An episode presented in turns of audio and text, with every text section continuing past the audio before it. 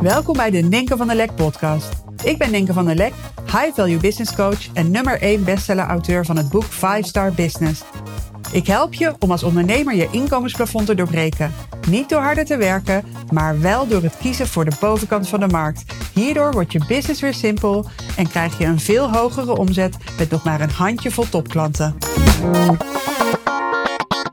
Hey, leuk dat je er weer bij bent bij deze nieuwe aflevering van mijn podcast. En ik moest net denken aan een gesprek dat ik uh, gisteren had met een vriendin.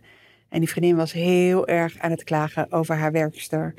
En haar werkster die, uh, is heel vaak ziek. Haar werkster wordt heel vaak, komt heel vaak te laat. Haar werkster is heel veel uh, tussendoor aan het bellen, aan het koffiedrinken. nou, haar werkster voldoet niet aan de verwachtingen. Maar nu is het zo dat mijn vriendin dit niet voor het eerst vertelt. Ik hoor haar, denk ik, al drie kwart jaar klagen over haar werkster. En ik deelde gisteren iets met haar wat mogelijk ook helpend is voor jou. Want ik denk dat we allemaal wel eens mensen in ons leven hebben, of het nou privé is of in je business, waar je over aan het klagen bent. En uh, ik hoor het ook wel bij, uh, bij uh, ondernemers die ik coach. het zijn het teamleden. Soms zijn het klanten. Soms is het familie. En uh, ja, ik deelde met die vriendin een belangrijke les die ik zelf jarenlang geleden leerde, maar waar ik zo dankbaar om ben. Omdat ik door die les eigenlijk veel minder vaak en minder lang verzeld ben in van die situaties dat je ontevreden bent over iemand en dat dat maar blijft doorsudderen. En dat inzicht gaat over de mention factor. En de mention factor, hè, iemand mentionen, betekent iemand noemen.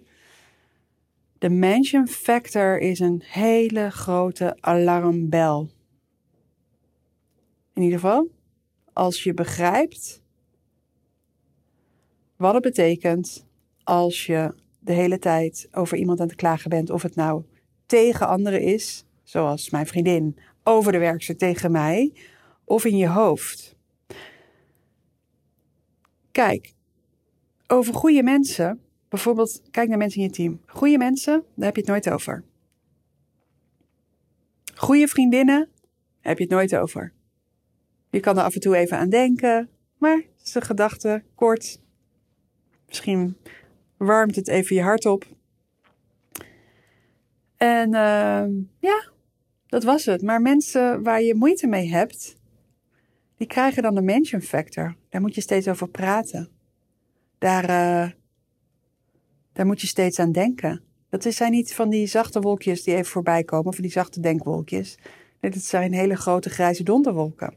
En nu kan je denken van, ja, maar dat ik klaag over iemand, ik moet ook eigenlijk niet klagen. En, maar dit, deze, ik bedoel, dat is, kan echt een lifesaver zijn hè, als je stopt met klagen. Volgens mij heb ik daar wel eens een podcast over opgenomen.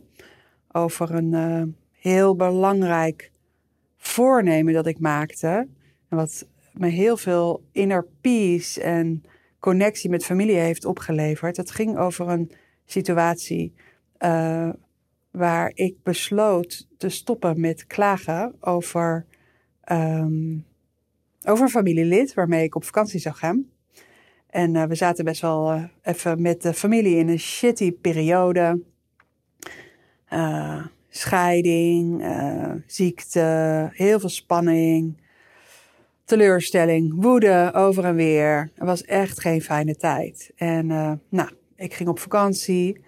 En uh, ja, een paar van mijn familieleden gingen mee. Heb ik het niet over mijn gezin. Mijn gezin ging ook mee, maar ook nog andere familieleden. En ik zag er heel erg tegenop. En ik merkte dat vooral één iemand uh, de mention factor kreeg. En um, ja, voordat we gingen heb ik besloten, ik ga niet klagen. Ik ga niet klagen. Ik ga het niet doen. Een soort challenge.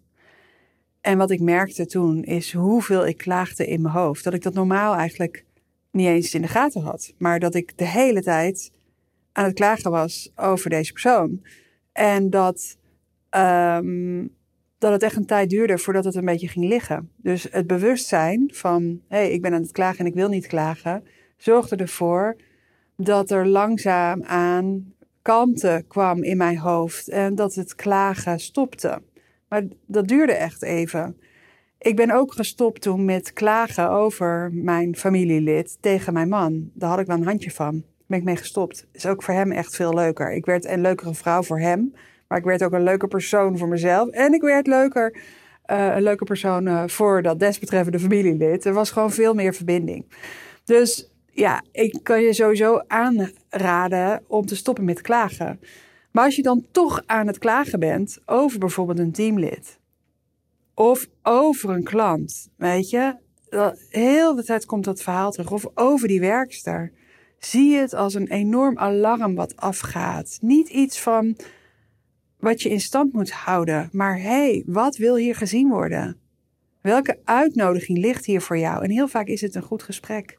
Heel vaak is het actie op, uh, nou, op dus of in gesprek gaan, je, je onvrede delen, je verwachtingen delen.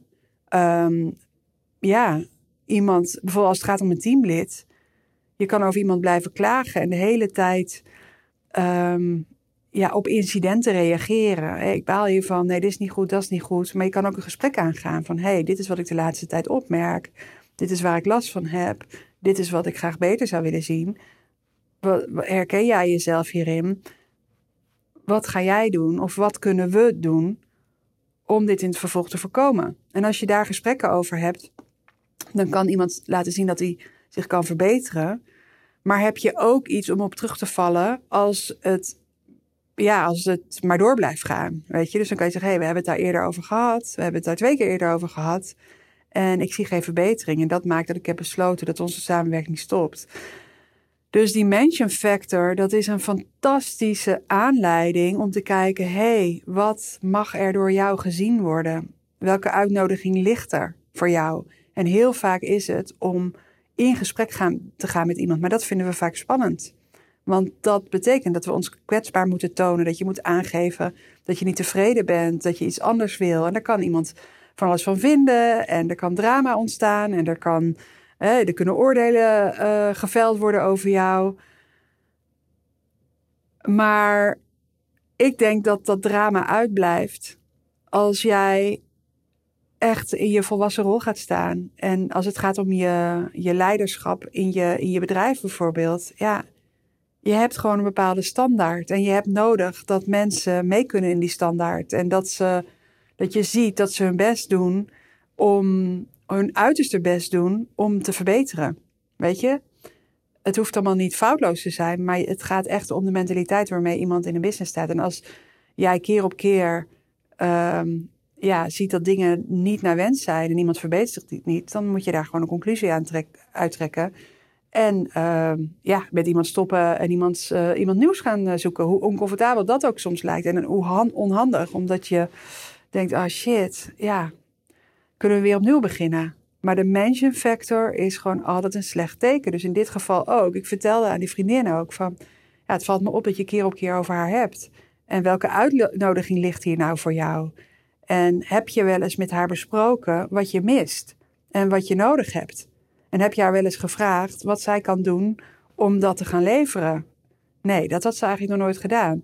Dus die mention factor zorgde ervoor dat zij enorm in de hoofd aan het klagen was. Ook de hele tijd met de mannen over had. En met mij ook al een paar keer. En misschien nog wel met andere mensen. Maar dat de persoon in kwestie niet eens wist dat dit allemaal leefde. En moet je ook nagaan wat er gebeurt met de relatie, bijvoorbeeld met je werkster. Als dit ondertussen is wat er in jouw hoofd speelt. Weet je, dit zorgt gewoon voor afscheiding.